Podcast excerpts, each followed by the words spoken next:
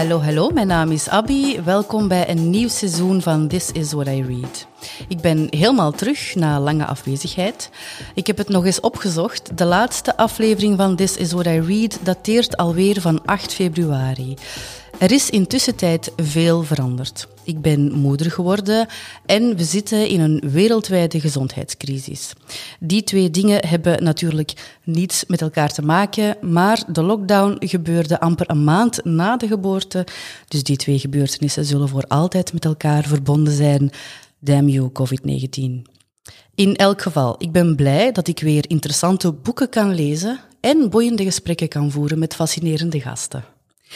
Hier zitten we dan. We cirkelden al een tijdje om elkaar heen en nu hebben we eindelijk de tijd gevonden om een gesprek te hebben over haar favoriete boek. Aminata Demba mag dit seizoen van This Is What I Read aftrappen. Hallo, ik ben Aminata Demba. Ik ben actrice en theatermaakster en ik heb gekozen voor het boek Amkulel in het voetspoor van de vertellers, geschreven door Amadou Ampate Ba. Amadou Ampate Ba was een Malinese schrijver, uh, historicus en etnoloog. Hij werd geboren in 1900 of 1901. Hij was een zeer invloedrijke figuur in de Afrikaanse literatuur van de 20e eeuw. En hij is gekend om zijn ideeën rond mondelinge overlevering en traditionele of indigenous kennissystemen. Kennissystemen waar veel waarde wordt gehecht aan de ouderen, want de ouderen zijn de wijzen in een samenleving. Aan Ampatiba wordt de zin toegeschreven: wanneer een oude man sterft, is het alsof een hele bibliotheek in vlammen opgaat. Hij was een leerling van Tcherno Bokar, een bekende Malinese mysticus en sofist, en hij schreef er ook een boek over, Vie et enseignement de Tcherno Bokar, le sage de Bandiagara. Voor zijn boek L'étrange destin du Wangrin kreeg hij in 1974 de Grand Prix de littérature d'Afrique noire. Andere titels zijn Jésus, vu par un musulman, en La poignée de poussière, conte et récit du Mali. Zijn hele leven en werk stond in het teken van hoe kennis en geschiedenis worden overgedragen. Amadou Ampateba overleed in 91. Hij was toen 90 of 91 jaar oud. En toen hij stierf, was het of een hele bibliotheek in vlammen opging.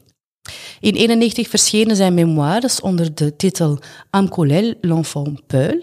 In het Nederlands verscheen het boek onder de titel Amcolel in het voetspoor van de vertellers.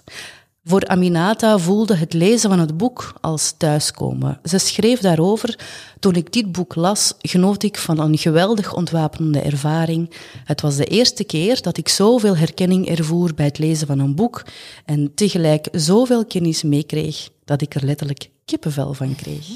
Uh, vertel eens, waarom uh, heeft het boek zoveel indruk op je nagelaten? Ja, ah, wel, nu met de opsomming dat je net deed en wat je uh, aan het vertellen was, kreeg ik terug zo bijna tranen in mijn ogen. Um, omdat het inderdaad zoveel betekent. En ik denk dat het te maken heeft met uh, een schrijver die komt vanuit dezelfde regio als ik. Want hij schrijft niet alleen over Mali, maar hij schrijft eigenlijk over de heel West-Afrika of het uh, sub-Saharaans gedeelte.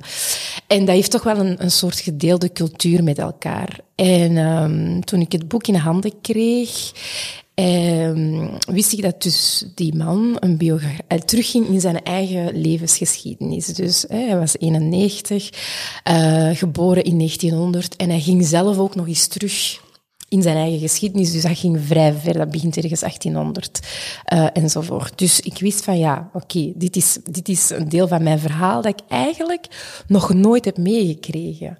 Um, omdat ik hier geboren ben, omdat wij hier naar school gaan en wij krijgen deze verhalen niet.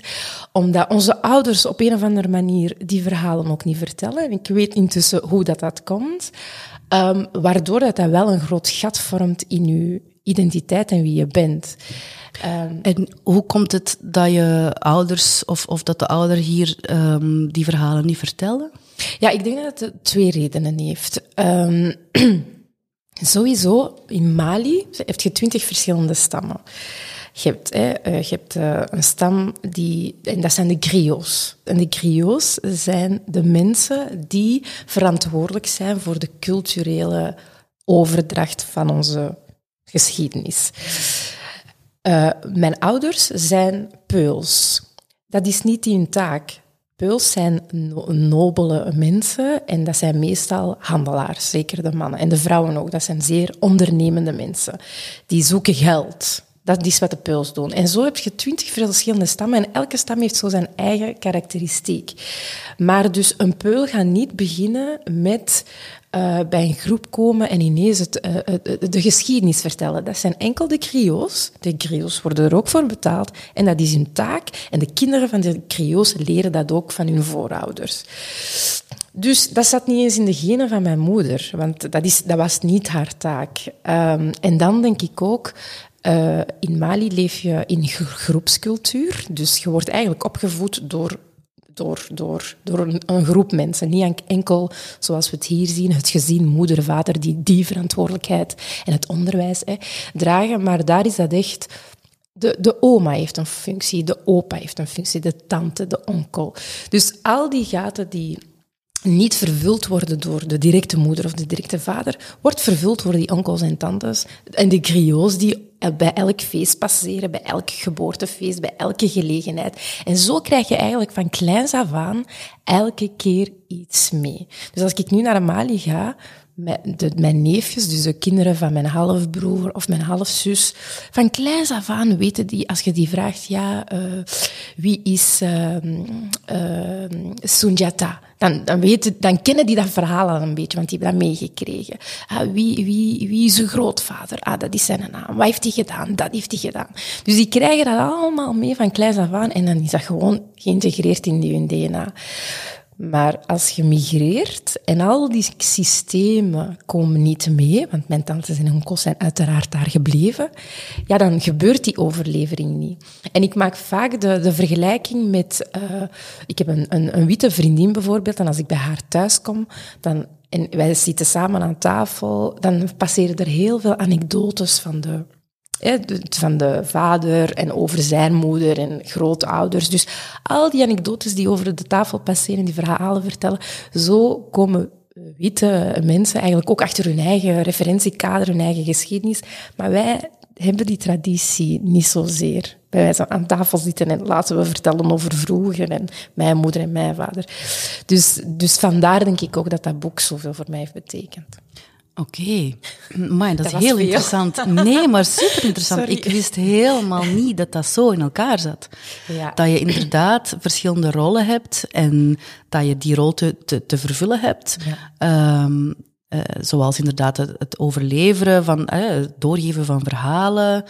Um, en als, als, als je um, als rol hebt ja, een, een peul, een, een handelaar, een ondernemer, dat je dat dan niet... Ja, dat vind ik... Oh, dat is ontzettend fascinerend, maar langs de andere kant denk ik ook van ja, inderdaad, als je migreert, dan gaat er een heel groot deel verloren. Ja, dan gaat er een heel groot deel verloren. En daarom is het interessant, zo boek, uh, de schrijver zo interessant, want hij is buiten zijn rol gestapt. Hij is een peul en hij, hij kiest als titel in het voetspoor van de vertellers. Ja. Dus hij weet dat hij een andere taak op zich neemt. En ik denk dat dat te maken heeft ook met uh, in contact te komen met boeken en schrijvers en andere werelden. En wist van er zit zoveel in onze cultuur, maar omdat het oraal is, weet de wereld dat niet. Um, en uh, ik, ik vind het toch wel mijn verantwoordelijkheid om, om allee, denk ik dan, hè, om dat dan in, in taal, in boeken over te zetten. Hoe oud was je toen, eh, toen je het boek las? Nog niet zo lang geleden. Ik denk vier jaar geleden of zo. Ik heb het uh, gekregen van een vriend van mij, Omar Ja. Zo'n beetje een figuur in Antwerpen die zo, uh, ja, toch wel de jongeren handvaten geeft voor de toekomst, denk ik. En ik kwam hem tegen op de trein en hij zei, Aminata, ik heb maar één exemplaar van dit boek. Ik ga het u niet geven, je mocht het niet hebben, maar ik ga het u lenen. Lees het en het gaat, het gaat heel belangrijk zijn voor u, of het gaat u veranderen, het, het gaat iets doen. Ik dacht, ja, ja, typisch zo'n oude man die zo... Uh, maar hij had gelijk. Hij had echt gelijk en, hij had, en ik voelde dat hij het gelijk had bij de eerste pagina dat ik las. Hoe heeft het jou veranderd?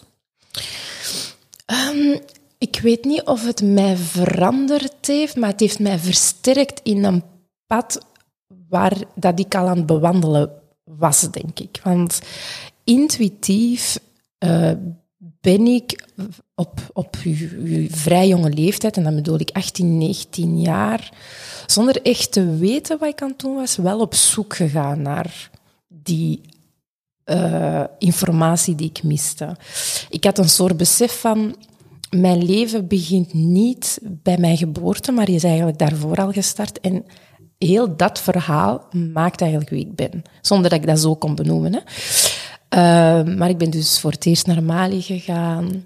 En dan twee jaar later nog eens, en dan twee jaar later nog eens. En dan voel je toch wel dat uh, het beeld dat je hebt over een land, zeker op die jonge leeftijd, of over uw land, of uw vaderland, of over een continent, niet klopt. Dus je hebt informatie meegekregen dat niet klopt. Je komt daar, je hebt ervaringen op. En dan denk je van, oké, ik moet dit beeld ja, ik moet dat recht trekken. Maar om door dat recht, te trekken moet je onderzoek doen. Je moet met mensen praten. Je moet weten hoe het dan in elkaar zit, wat het verschil is, uh, wat de gelijkenissen zijn. Um, en ja, ik denk dat jij wel weet dat ik dat, die ervaring dan heb willen proberen te vertalen in een documentaire, omdat mensen hier te inspireren om hetzelfde te doen, omdat het gewoon zo verrijkend is. Mm -hmm. uh, omdat ik zelf vind dat, dat als, als mensen u moeten vertellen wie je bent, dat je minder krachtig in je schoenen staat dan als je het zelf weet, want dan kan niemand u ook iets wijsmaken dat niet waar is. Ja. Dus ik heb altijd wel een beetje die behoefte gehad om dat recht te trekken. Wat dat er ooit is misgegaan. En dat heeft verschillende kanten. Dat komt door dat migratieverhaal, maar evengoed door opgroeien in een wereld waar waar je niet in contact komt met zo'n boeken op jonge leeftijd, waar je andere verhalen te, te krijgen, uh, allee, voorgeschoteld krijgt. Dus ik denk dat het een poging was, ik denk dat, dat ja, om, om, om, om terug dat evenwicht te zoeken, terug naar de waarheid te zoeken, dan naar de leugens of de vertekeningen die ik heb meegekregen. Ja. Dat is ja. nee, maar heel straf. Maar is het, is het heeft het daar ook mee te maken dat je dan um, ja, theater maakt en actrice bent? Mm, ik denk dat, dat dat er los van staat. Ik denk de behoefte om theater te maken ligt meer, um, is zelfs nog daarvoor begonnen. Dat, dat is echt, dat is mij overkomen en dat is gewoon een soort um, intuïtie dat mij ooit heeft gezegd, jij moet mensen beroeren. Of dat is wat je wil doen. Mhm. Mensen beroeren. En de eerste uitspraak die ik ooit heb gemaakt is, ik wil actrice zijn, want ik had een film gezien en dat raakte mij zo hard en dat wilde ik doen. Mensen raken via medium, via verhalen vertellen. Dus dat is zo het eerste wat mij is overkomen. Op ja. Maar eh, heb je er zo misschien nu al bij stilgestaan dat jij dan als peul ja. misschien nu ook eigenlijk hetzelfde doet als de auteur, uit uw, uit uw rol stappen um, en verhalen vertellen. Uh, ja, daar zit zeker iets in, want inderdaad, vanuit de verwachtingen van de ouders en ook de families. Niemand had mij gezien in de rol van actrice of zo. Hè. Mijn moeder wou mij zien als een tandarts of uh, iemand die functionele, belangrijke dingen ging doen. Dus ik ben wel buiten mijn, mijn wat voor mij zo gezegd voorgeschreven stond. Maar ook op andere vlakken. Ik ben nog altijd geen moeder. Als ik naar Mali ga, is dan altijd zo... Hoezo? Je hebt geen kinderen, je bent 30 mm. Ik ben nog altijd niet getrouwd. Dus dat doe ik op veel verschillende vlakken. Um, en ja, dat, uh, dus ergens heb je wel gelijk, denk ik. Die herkenning waarover dat je het hebt, is dat... Dat is dus om, omdat je dat echt in je leven miste van... Hè, je groeit hier op, um, in een omgeving die niet op jou lijkt, of waar jij niet op lijkt. Mm um, voelde dat aan als een gemis? Of is dat pas met het boek te lezen, een paar jaar geleden, dat je plots besefte van, oh, oké, dit is wat ik al die tijd heb gevoeld. Ja, ik denk door het boek te lezen uh, ben ik tot het besef gekomen van, wow, dit is de eerste ervaring door het lezen van een boek. Dus, maar dan, als ik dan vergelijk met het zien van films of andere manieren van verhalen opdoen, waar ik echt dat gevoel had van dit is mijn verhaal, hier word ik aangesproken, dit gaat over mij, dit, dit, hier zie ik herkenning in. Um, En het, het, I was baffled dat dat de eerste keer was in mijn late twintigers of zo. Dus ik denk wel dat dat mijn missie is in het leven. Als ik zie, allee, in mijn artistiek leven dan, als ik zie het laatste theaterstuk dat ik gemaakt heb, ik heb dat van het begin willen bewaren. Dat er herkenning is voor zowel het Marokkaanse jongetje dat naar de voorstelling kijkt, als het zwart Senegalees meisje, maar ook het, het witte, witte jong, de witte jongen of het wit meisje. Dus je hebt het nu over de binnenkamer van Binti, De binnenkamer van Binta. Dus, en, Binta, sorry. Ja, ja, dus ik vind dat zo belangrijk dat, dat je naar iets kunt kijken dat, waarvan je voelt, dit is van mij, dit is van ons, dit begrijp ik, dit ken ik. Um, uh, dit maakt deel uit van mijn referentiekader. Ik herken dat. En dat zal dan anders, wat, wat ik zeg maar iets, uh, Mamadou van negen jaar herkent, zal anders zijn dan Nathalie van negen jaar. Maar ik vind het belangrijk dat zij beide die ervaring hebben en niet en ik denk dat dat het is dat witte mensen misschien niet beseffen. Zij hebben vaak die erkenning in heel veel, op veel, veel verschillende ja. manieren, op films, boeken, noem maar op. Maar Mamadou van negen jaar heeft dat zo weinig, zo weinig. En dat ja. is gewelddadig. Dat mogen eigenlijk echt niet doen. Dat is, dus vandaar, ja. Ja, inderdaad, die herkenning is heel belangrijk. Um, is er iets in het boek, een, een anekdote of een stukje of zo, wat dat wat dat jou is echt bijgebleven van, oh, dit heeft mij echt gepakt, echt, heeft mij echt geraakt? Ja, er, zoveel dingen.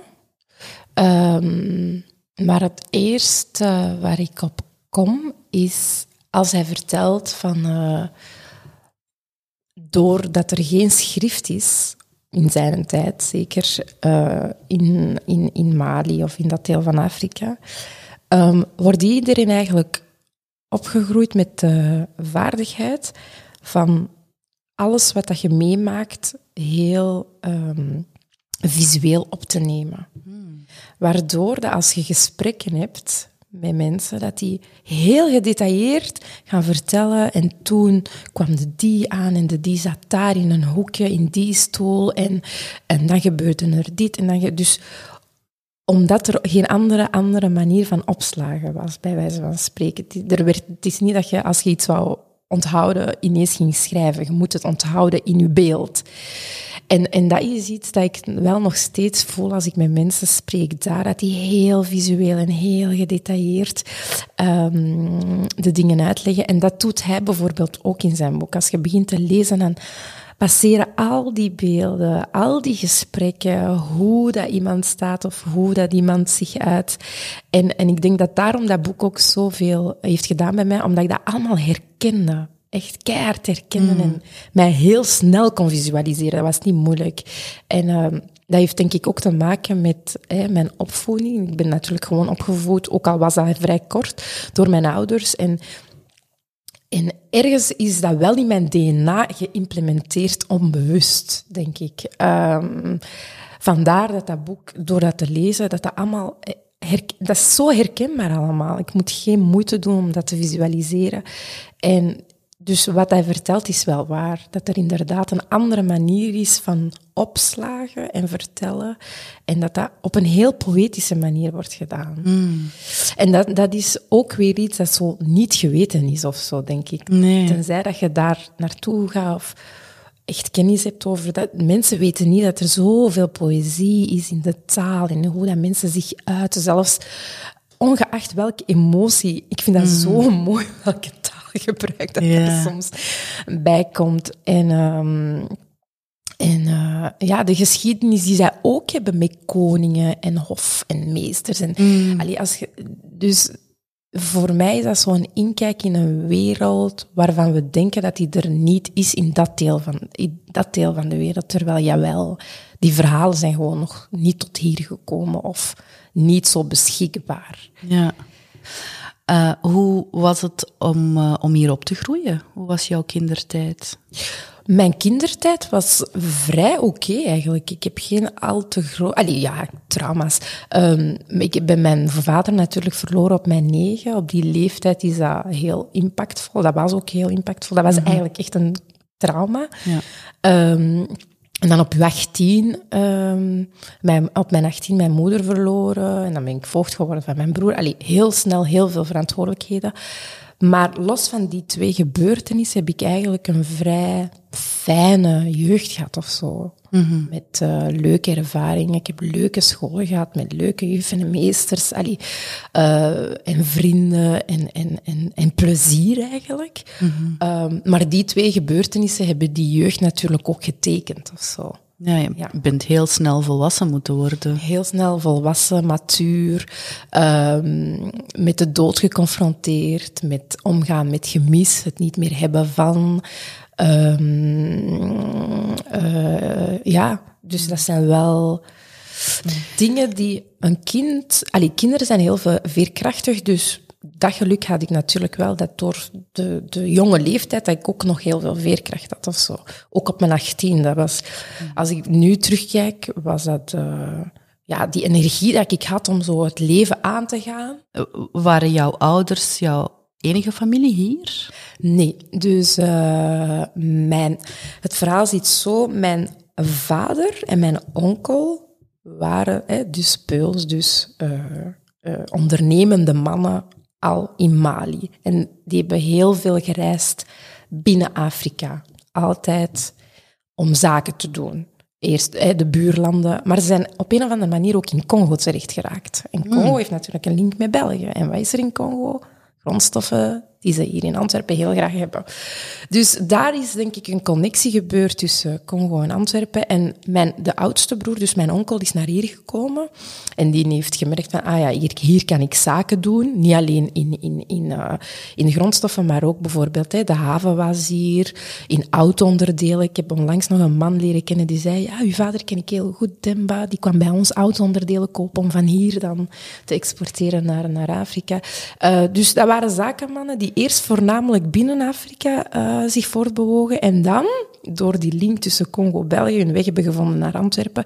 En er zijn er heel veel gevolgd. Dus mijn onkel heeft mijn vader naar hier gebracht, maar ook anderen geïnspireerd, hè, andere zakenmannen geïnspireerd. En die hebben zich allemaal zo gevestigd in de stationsbuurt, mm -hmm. in mhm. hetzelfde hotel. Dat is ja. echt een fantastisch verhaal.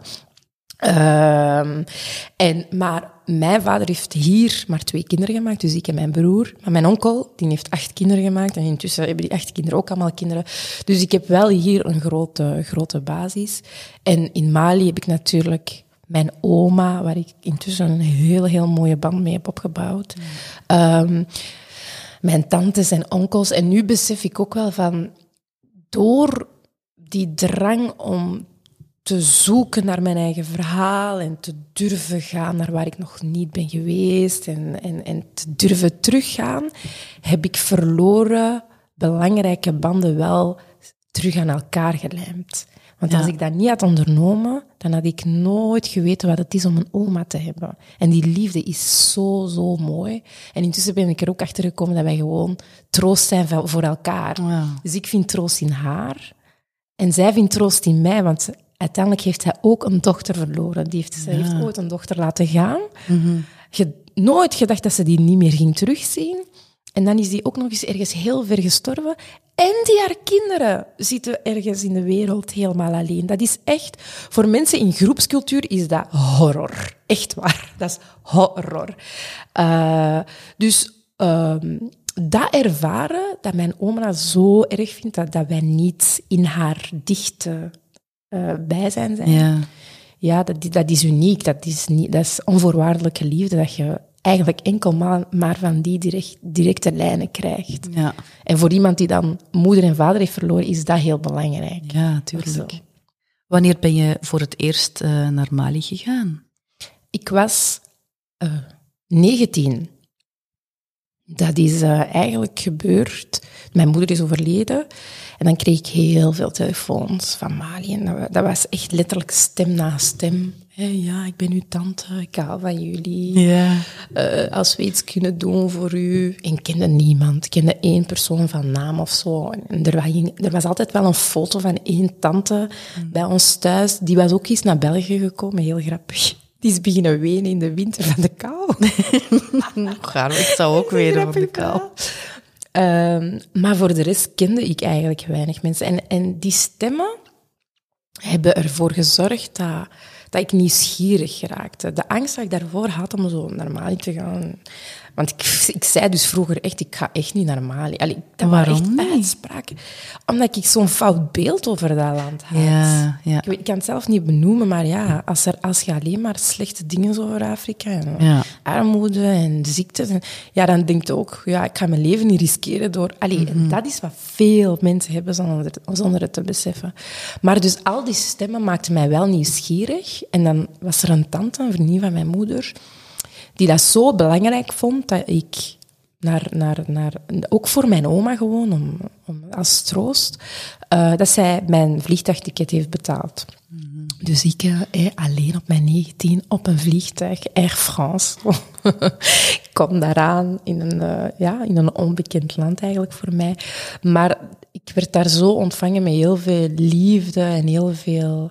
eh, iedereen deed zo hard zijn best om mij op mijn gemak te stellen. En, en, eh, en ehm, dat dat eigenlijk heel goed is gegaan. En ook daar ben ik erachter kom, gekomen dat heel veel in mijn DNA zat. Dat, dat was eigenlijk een kwestie van tijd. Of ik, ik was ineens zo...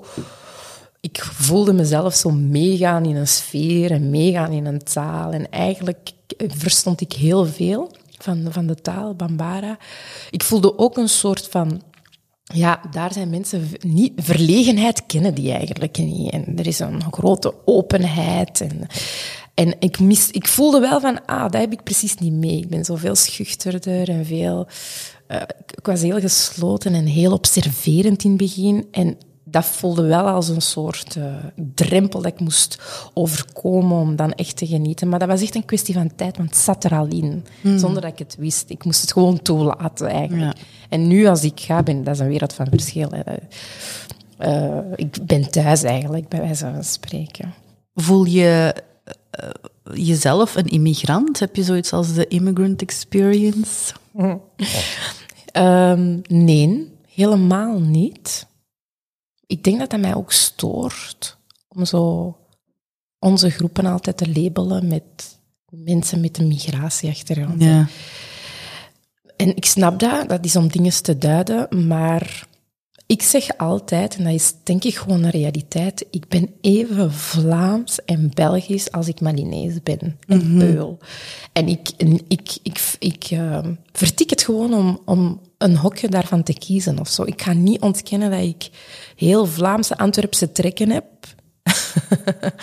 en, en manieren van denken en mentaliteit. En tegelijkertijd ook eh eh, Beulse of Malinese, of, of dat zit er ook in. En ja, ik heb misschien eigenlijk de luxe om te zeggen, oké, ik ga meer die kant, eh, naar die kant leunen of naar die kant. Maar tegelijkertijd zijn er ook dingen waar, dat ik niet kies.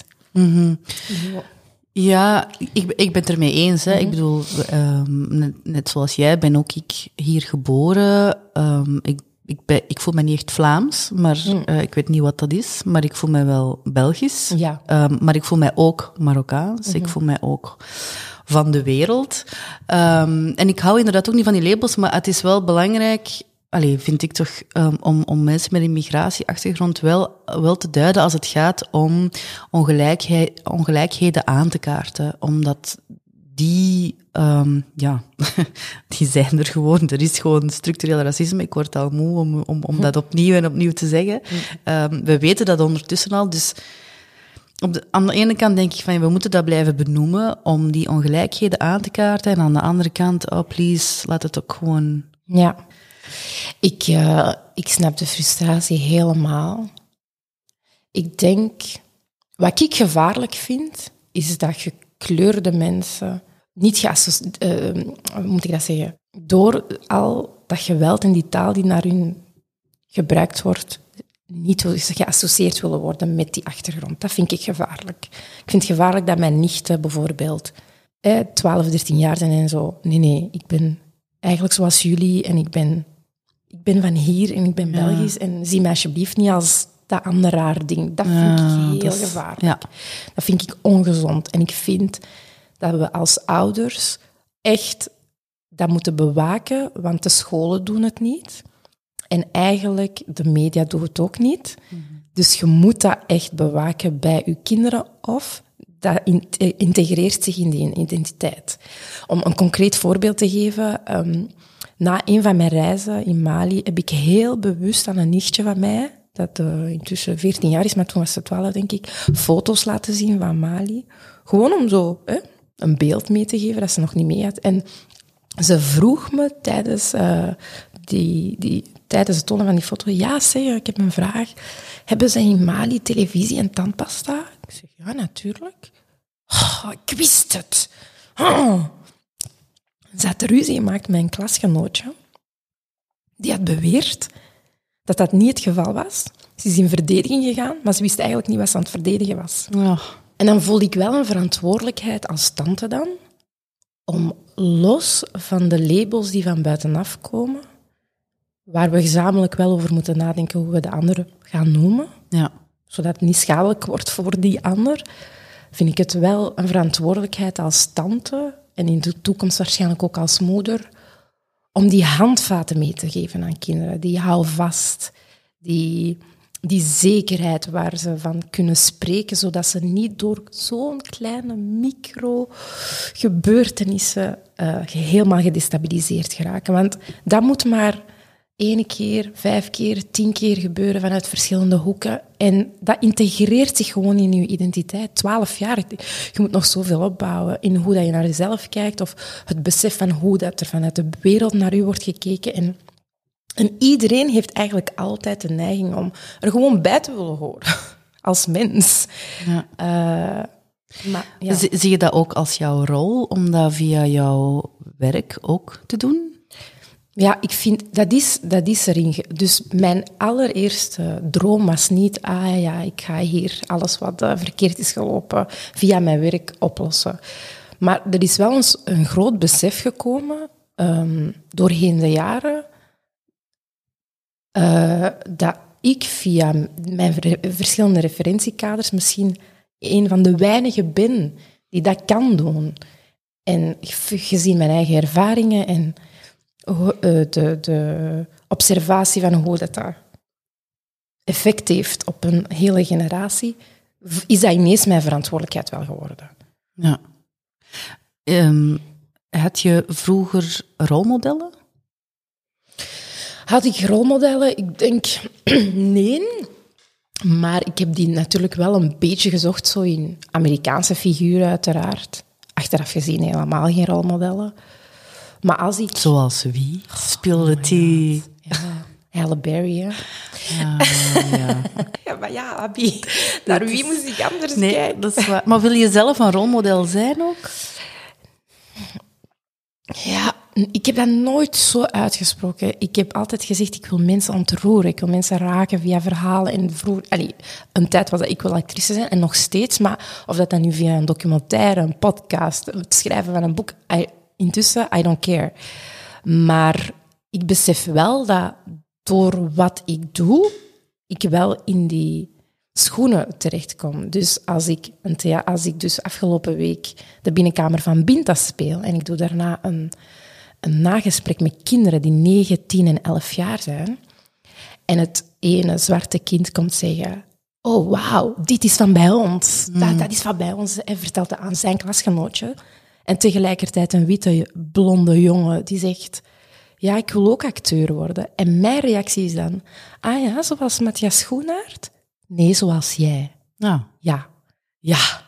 Ja, ja. ik had dat... Ik, puntje, puntje, puntje. Echt. Ik wist... Ik dacht, wow. Had ik niet zien aankomen. Maar dus voor dat jongetje was ik wel een rolmodel. Dat is mooi. En dat is mooi, want dat overstijgt kleur, dat overstijgt gender, want dat was een jongen. Mm. Dus op een of andere manier, door mijn werk, kom ik wel in die schoenen van, van rolmodel. Zonder. Vertel eens even uh, waarover de, de, de binnenkamer van Binta gaat. Ja, de binnenkamer van Binta uh, is begonnen met een ervaring drie jaar geleden. Was ik met mijn Marokkaanse vriendin in Nederland gaan shoppen en ik kom in een winkel een uh, verzorgingswinkel en ik kom een stick tegen, een soort uh, gezichtsmasker. Hmm. En dat was een gezichtsmasker dat mijn mama altijd op haar gezicht deed. Dus ik, ik herken dat, ik pak dat vast. ik zit aan mijn neus en die geur katapulteert mij echt helemaal naar herinneringen van mijn moeder, beelden van mijn moeder. Echt zo, dit is mijn mama. Omdat ja, als iemand dat elke ochtend smeert, ja, dan is dat een geur dat je iets nalaat. Of toch een sterke associatie heeft. En ik wist al, oké, deze ervaring, daar moet ik iets mee doen. Een paar jaar later lees ik een boek over eh, kinderen die achtergelaten worden door hun moeder. En ik denk, ah ja, daar is iets. Een verhaal vertellen vanuit het perspectief van een kind over verlaten zijn. Over achtergelaten zijn. En niet dat ik zelf achtergelaten ben. Soms voelt dat wel zoals zo, als uw moeder zo vroeg sterft, denkt allee, konden je nog zo een paar jaren erbij zijn. Maar dat is toch nog een an, andere dimensie. Een, iemand die overleden is en hè, waar om die redenen die je, eh, om, die reden een moeder missen dan een moeder die u heeft achterlaten of Ja. verlaten of die er niet voor u is of niet voor u zorgt. Totaal andere categorie. Dus ik ben interviews beginnen afleven, eh, afnemen bij mensen die dat hebben meegemaakt en ik voelde ehm, dat bij dergelijke verhalen een, een gevoel van, of een notie van schaamte zich installeert, al heel jong, omdat je je weerspiegelt tegenover je peers, andere kinderen. Het ideaalbeeld is gezien mama, papa. Hè?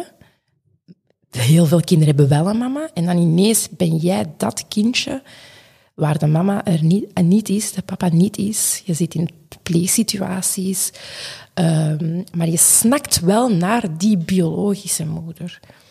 En ik, en, en ik wou dat verhaal vertellen vanuit het perspectief van een kind, omdat kinderen veerkrachtig zijn, maar ook nog niet gebeurd of zo. Of ik heb het zelf nog niet gezien. Dus die ervaring van die geur en associatie en het zelf missen van een moeder, maar de, de andere context van, hè, dat wou ik bij elkaar gooien. En dus de binnenkamer van Binta is geschreven door Hanneke Pauwen trouwens, die Ja. mij al mijn researchmateriaal in haar fantasie is gedoken. En zij heeft eigenlijk een heel mooi verhaal verteld van een kind dat in een kinderthuis zit, wacht op de mama en die mama komt niet. We zien de mama niet, maar het gaat echt over het kind en het gemis van die moeder.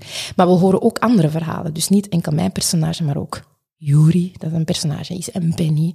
En al die kinderen in dat huis en hoe dat zij ermee omgaan. En maar hoe, hoe sterk dat zij ook zijn. En, en geuren en associaties. En welke geuren eh, of welke linken kinderen maken met hun ouders. Vaak is dat echt de douchegel waarmee dat je doucht. Of de Oh, ja. parfum die je op hebt.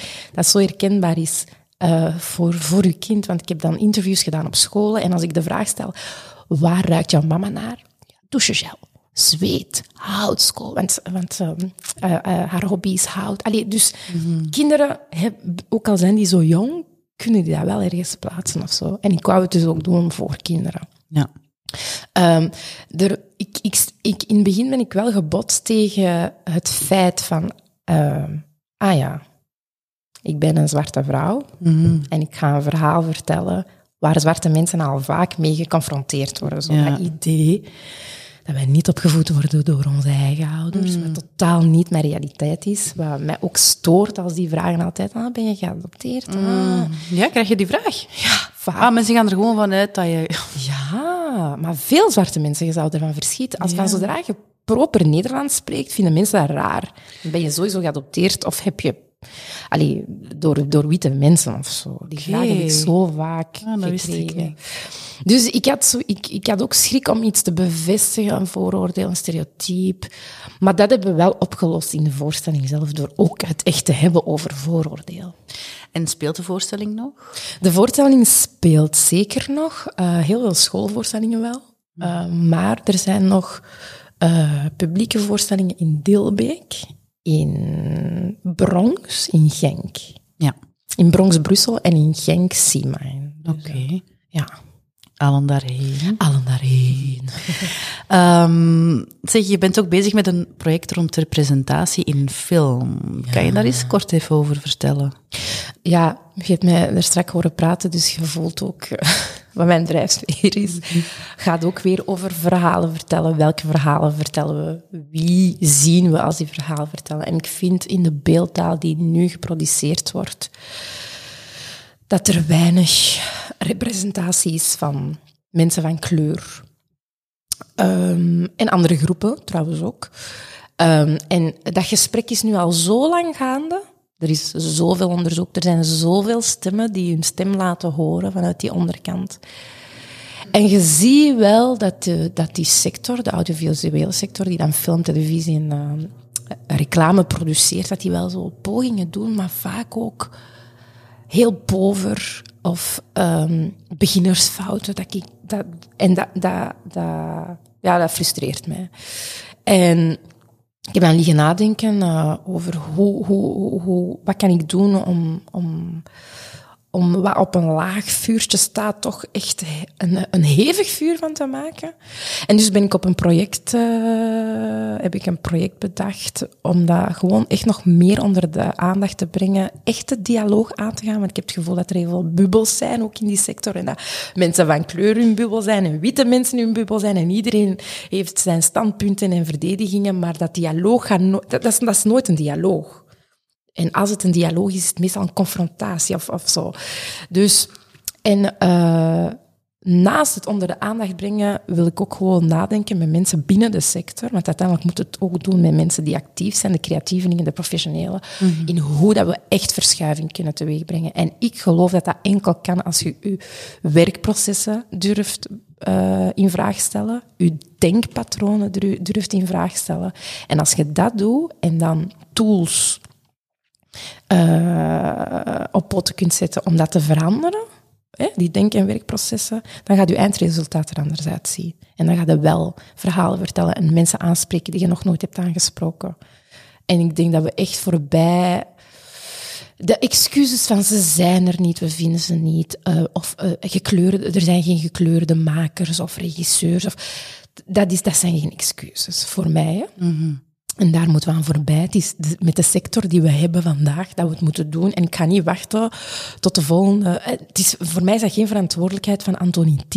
Of zo. Ja. Hij is niet degene die die fout moet rechtzetten. En we moeten niet wachten totdat we twintig Anthony T's of Ines Eschons hebben die dat wel Ja, voor alle duidelijkheid, Anthony T en Ines Eschon zijn, zijn uh, jonge uh, regisseurs ja. van kleur. Ja. Um, en je bedoelt, het is niet hun verantwoordelijkheid om die scheef getrokken um, balans allee, recht te trekken eigenlijk. Het is niet hun verantwoordelijkheid, het is de verantwoordelijkheid van een hele sector en al die mensen die daarin actief zijn.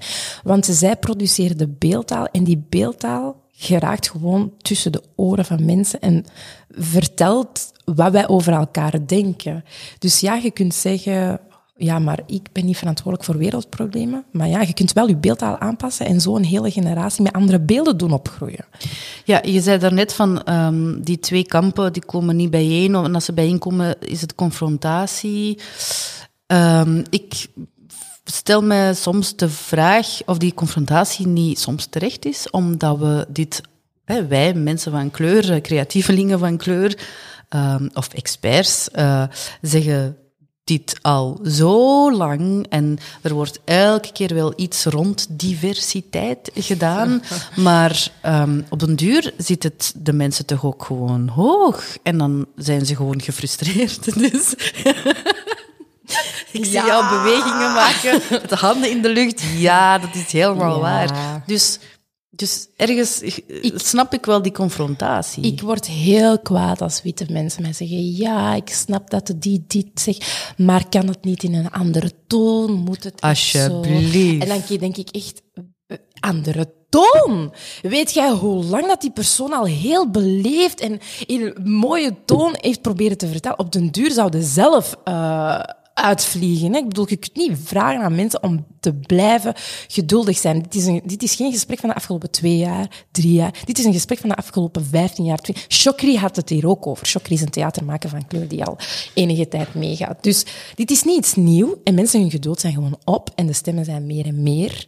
En we zijn het beu dat er niet geluisterd wordt, dat er enkel goede intenties zijn, maar we zien geen directe actie, we zien, zien geen investeringen. En daar bedoel ik echt geld, dat je er geld aan smijt om inderdaad verandering teweeg te brengen, zoals dat ze bij de BBC hebben gedaan. Hè? One million pond, denk ik. Allee, ja. Allee, dat zijn... Met die acties...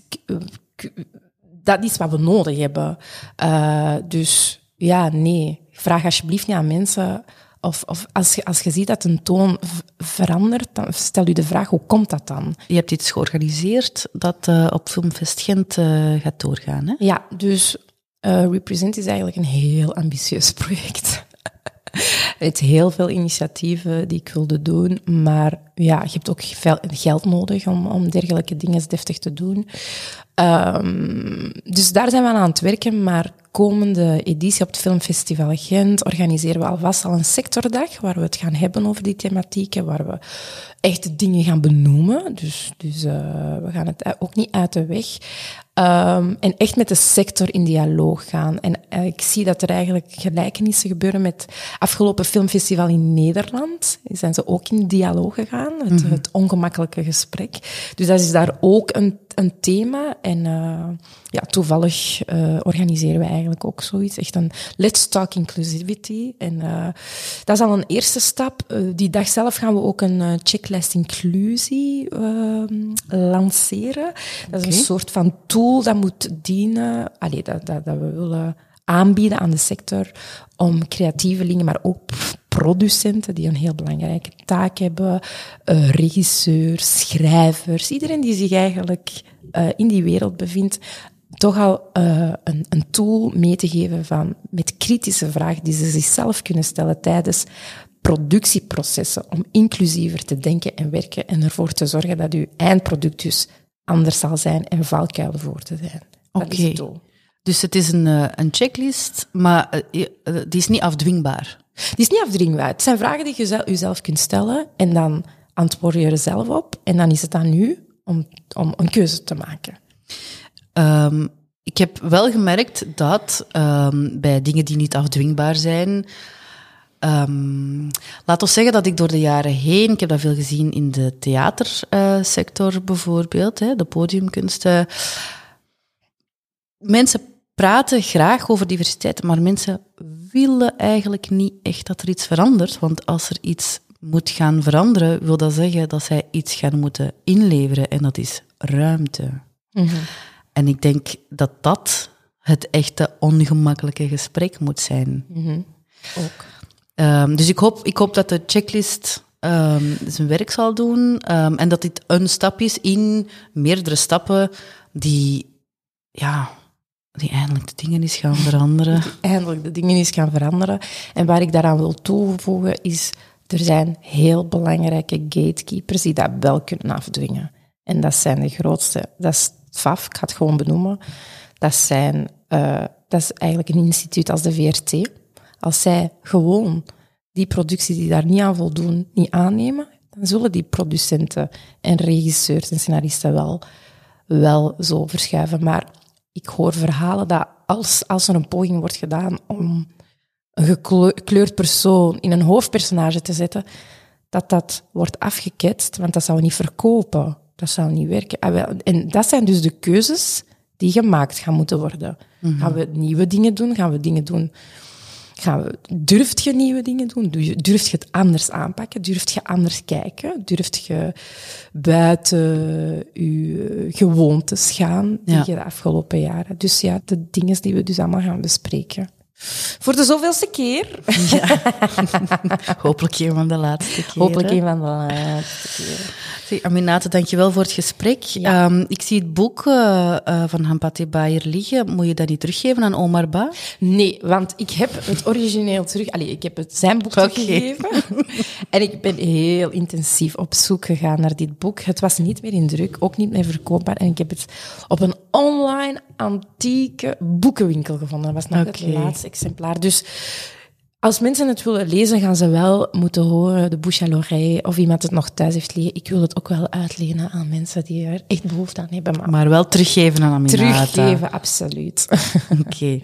Dankjewel Aminata voor dit gesprek. Dit was This Is What I Read. Bedankt om te luisteren. Als je This Is What I Read wel kan appreciëren, laat dan een review achter in je favoriete podcast-app. Dat helpt ons heel erg voort. Wil je liever een boodschap inspreken? Bel ons op 0456 17 13 04. Dat is 0456 17 13 04. En misschien neem ik je boodschap dan wel mee naar de volgende aflevering. Eens kijken of er nu al een boodschap is te horen. Er zijn geen berichten in je voicemailbox. nog geen boodschappen. Wie bijt de spits af? Bel op 0456 17 13 04. Tot volgende keer. Bye.